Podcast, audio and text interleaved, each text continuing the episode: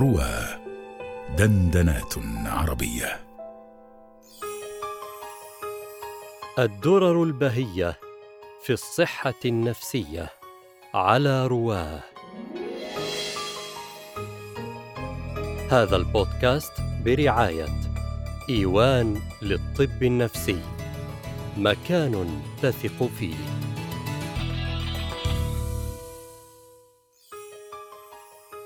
مدار الحضارات سلامة الإنسان الذي ينهض بها ويحافظ عليها، ومدار سلامة الإنسان صحته البدنية والنفسانية، بهذا تبقى الحضارة، ولهذا حرصت كل الحضارات القديمة على العناية بهذا الأمر، وبرز في كل حضارة علماء وأطباء متخصصون. في حضاراتنا العربية الإسلامية اعتنى العلماء والأطباء بكل جوانب صحة الإنسان، وأخذوا ما تركه القدماء من الحضارات البائدة ونقحوه وصححوه وطوروا عليه بل وأضافوا إليه ابحاثا جديدة لم تطرق من قبل وراكموا خبرتهم وإنتاجهم عبر تراث طويل. ومن بين أهم ما اعتنوا به في صحة الإنسان صحته النفسانية سواء في الجانب الوقائي حفظ الصحة أو في الجانب العلاجي إعادة الصحة. وتعقبوا كل ما أمكنهم اكتشافه من الآفات النفسانية فتتبعوا أعراضه وحددوا أوصافه ووضعوا برامج علاجية بالعقاقير أحيانا وبالسلوكيات المعرفية أو الجدالية أو المهارية أحيانا أخرى. من بين الآفات النفسانية أو الاضطرابات النفسية التي اهتموا بتناولها تلك المرتبطة بالأعراض الجسدية تاثيرا وتاثرا. وهو ما وصفوه بالأمراض النفسية الجسمية وما صار مشتهرا في أيامنا بالسايكوسوماتيك. فما الذي سجله أطباء حضارتنا وعلماؤها القدامى حول الأمراض النفسية الجسمية؟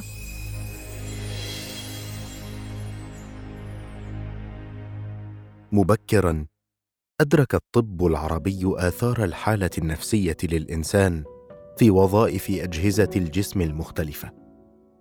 لذا نجد كثيرا من العلماء والمفكرين المسلمين قد عالجوا موضوعات الطب النفسي في علاقتها بالجسم وأمراضه فالحالة النفسية في الانقباض والفرح والهم والغم والخجل تؤثر تاثيرا مباشرا في سلوك الإنسان.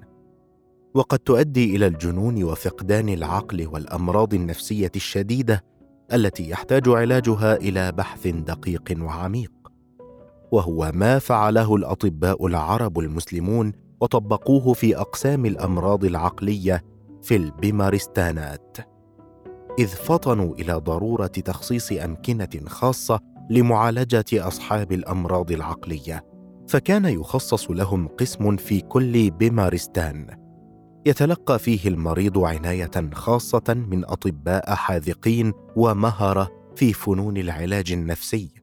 من أوائل ما نجده حول الأمراض النفسية الجسمية ما تناوله أبو زيد البلخي في كتابه مصالح الأبدان والأنفس حيث يقول فقد علم أن لكل واحد من هذه الأعراض النفسانية تاثيرا في البدن يغيره تغييرا ظاهرا قويا وذلك مثل ما يفعله الغضب الشديد في الأحيان من الاختلاط والارتعاش للبدن واصفرار اللون وشبيه ذلك ما يفعله الفزع والخوف حتى يسخن البدن عن ذلك أو يبرد ويحدث فيه أحداث موحشة المنظر. ويأتي بعده الشيخ الرئيس ابن سينا في كتابه القانون في الطب ليؤكد وجود علاقة وثيقة بين النفس والبدن. فالتغيرات في الحالة النفسانية التي تحدث في حالات الانفعال مثلا تصاحبها أو تتبعها تغيرات في الحالة البدنية. فيقول جميع العوارض النفسانية يتبعها أو يصاحبها الروح إما إلى خارج وإما إلى داخل. والحركة إلى خارج إما دفعه كما عند الغضب وإما اولا فاولا كما عند اللذة وعند الفرح المعتدل. والحركة إلى داخل إما دفعة كما عند الفزع وإما اولا فاولا كما عند الحزن. وتابع كثير من العلماء والمفكرين المسلمين هذا الاتجاه في تناول تلك الأمراض النفسية الجسمية وشرحها وتحليلها. فيذكر أبو بكر الرازي في كتابه الشهير الحاوي في الطب كثيرا من الإشارات إلى الأمراض النفسية فضلا عن المعالجات التي تضمنها كتابه في الأوهام والحركات والعشق.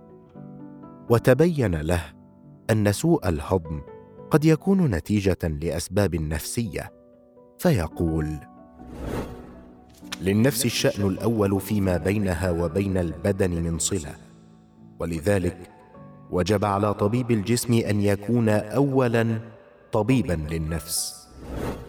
ويؤكد مجددا على أهمية العامل النفسي في المعالجة. فيقول ينبغي على الطبيب أن يوهم المريض ابدا بالصحة ويحببه بها وإن كان غير واهم بذلك.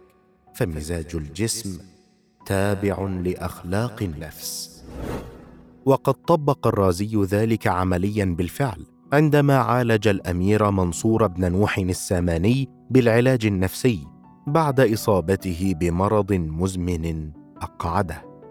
لم يكن هذا فقط هو ما سجلوه في سياق علاج الأمراض النفسية الجسمية فقد سبقوا إلى مسلمات طبية أقر بها العلم التجريبي المعاصر بعد مرور القرون.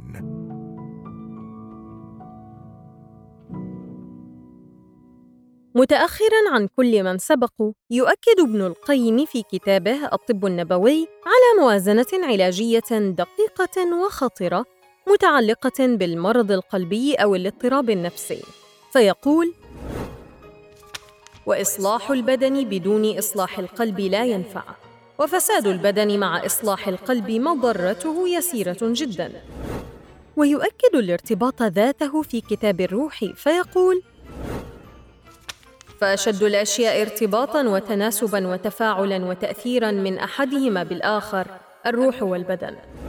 سابقا عليه يسرد الطبيب ابن العباس المجوسي في كتابه الكامل في الصناعة الطبية بعض النصائح التي تقي الإنسان شر الأمراض النفسية والجسمية على حد سواء.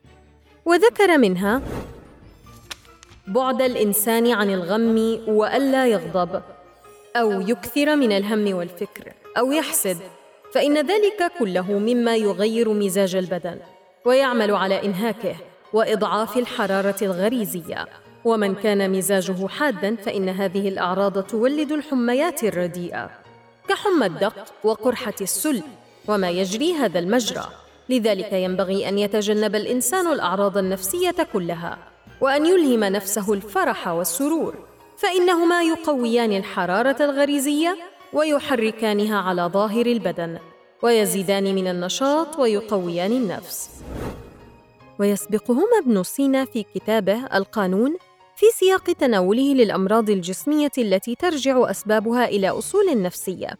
فيورد العوامل التي تشفي المريض بالعشق ويذكر فيها تجارب كثيرة أجراها لعلاج بعض المصابين بالأمراض النفسية. وقد نقلنا قوله جميع العوارض النفسانية يتبعها أو يصاحبها الروح إما إلى خارج وإما إلى داخل. ويعني ابن سينا بذلك حركات الروح وحركات الدم وهو يشير هنا إلى ما أثبتته البحوث الحديثة من أن الانفعال تصاحبه تغيرات فسيولوجية كثيرة. من أهمها ما يحدث من تغيرات في الدورة الدموية إذ تزداد سرعة خفقان القلب وشدته وتنتج من ذلك زيادة كمية الدم التي يرسلها القلب إلى أجزاء البدن. وتنقبض الأوعية الدموية الموجودة في الأحشاء وتتسع الأوعية الدموية الموجودة في الجلد والأطراف. لذلك يشعر الإنسان عند الغضب بالحرارة تتدفق في وجهه وبدنه ويحمر وجهه. أيضا يلاحظ ابن سينا كذلك أن الإنسان في حالة الفزع الشديد يصفر وجهه بسبب حركة دمه إلى الداخل فيقول والحركة إلى داخل إما دفعة كما عند الفزع.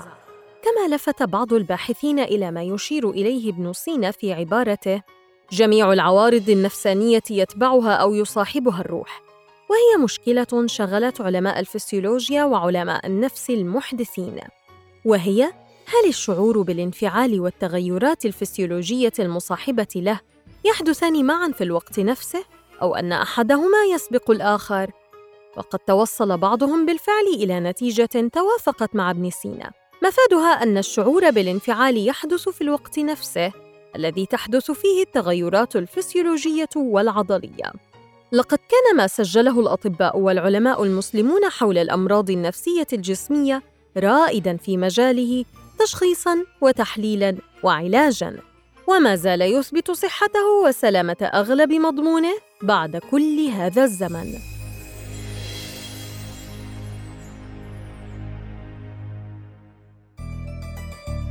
هذا البودكاست برعاية إيوان للطب النفسي. مكان تثق فيه.